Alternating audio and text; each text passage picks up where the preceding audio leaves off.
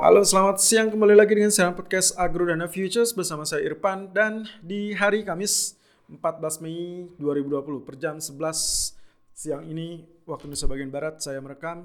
Dan kita akan lihat potensi dari pergerakan safe haven gold lalu kemudian forex dan juga jangan lewatkan dengan seperti biasa edisi hari Kamis kita akan mengupas uh, banyak hal ya dalam satu sesi yang kita namakan sudut pandang agrodana.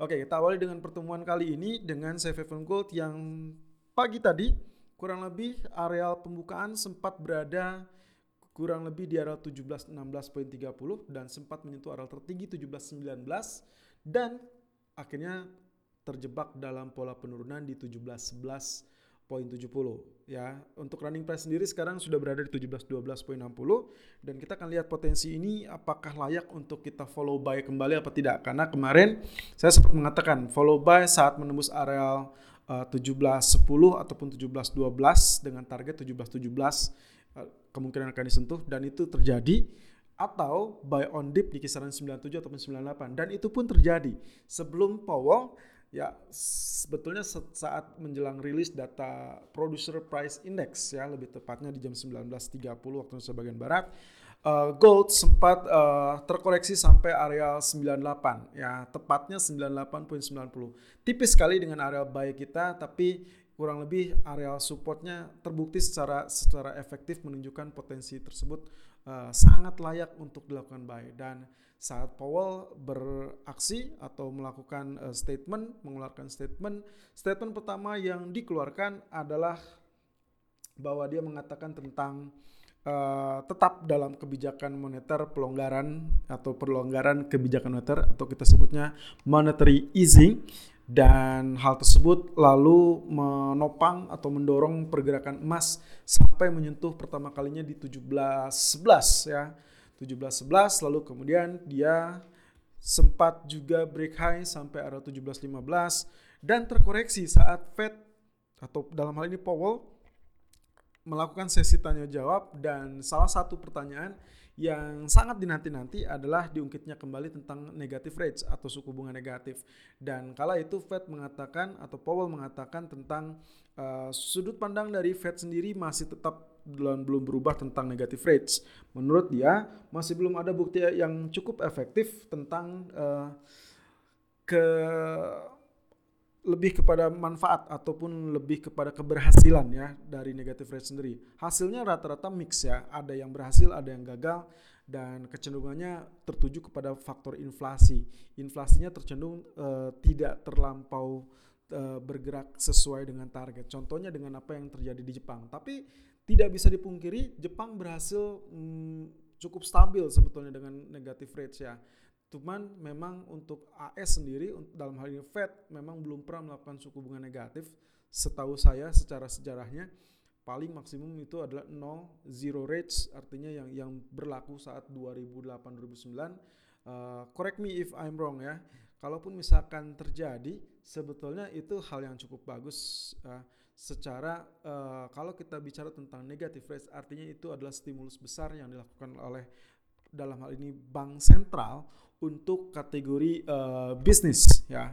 Artinya setiap pengusaha, setiap orang yang ingin buka usaha diizinkan untuk uh, melakukan pinjaman dan kalau kalau ternyata negatif otomatis diasumsikannya jauh lebih murah, kurang lebih seperti itu.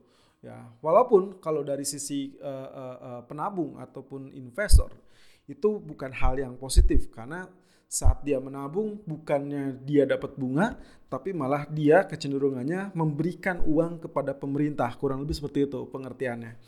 Well of course seperti yang sempat kemarin saya bilang kalaupun memang negatif rate itu terjadi maka kemungkinan potensinya jauh lebih bagus lagi untuk uh, gold melakukan rally. Tapi sayangnya statement itu ditunda oleh oleh Powell sendiri dan mengatakan no ya. Tapi statement yang lebih positifnya lagi adalah stimulus tetap akan berjalan. That's monetary easing ya. Dan sebetulnya tools untuk untuk kebijakan bank sentral itu sangat banyak. Bukan hanya mengenai suku bunga tapi juga dari paket stimulus. Nah kalau misalkan Fed merasa yakin dengan dengan kebijakannya seperti yang kemarin saya sampaikan dalam channel YouTube kami Agrodana Futures Official di Gold Outlook untuk uh, eh, 13 Mei saya menyampaikan tentang skenario apa yang akan disampaikan. Ada tiga poin di situ. Uh, Anda silakan uh, mampir ke channel YouTube kami cek di sana.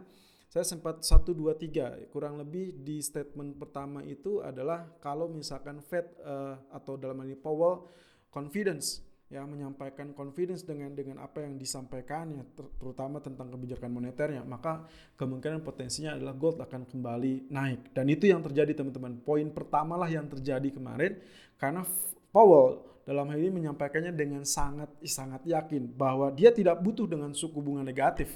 Fed masih memiliki tools yang sudah teruji bahkan hal tersebut yang akan dilakukan dan bukan mustahil akan ditambahkan. Artinya begini, kalau dia sudah mulai QE, sudah punya QE dan sempat diumumkan bahwa belum akan ditarik dalam waktu cepat karena dia masih melihat kondisi ekonomi lalu juga kemungkinan potensi ada risk di mana uh, mungkin saja ekonomi akan cenderung kembali drop apalagi pandemi global ini belum selesai.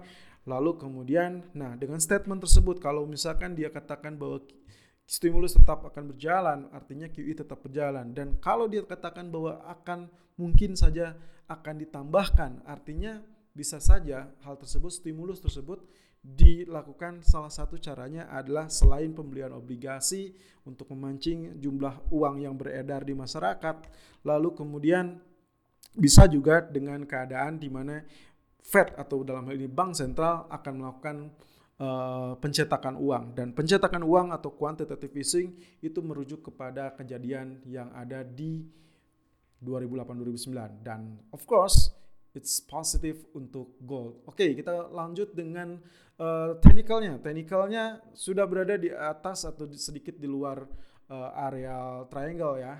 Tapi sayangnya ini memang ada sedikit keraguan, uh, tidak terlalu ngegas Ya, tapi kita lihat dar kalau dari grafik H4-nya sendiri, triangle-nya justru sudah ditembus teman-teman. Nah, saya menandai di situ, Anda bisa lihat uh, outlook-nya di gambarnya dalam channel YouTube kami Agrodana Futures Official.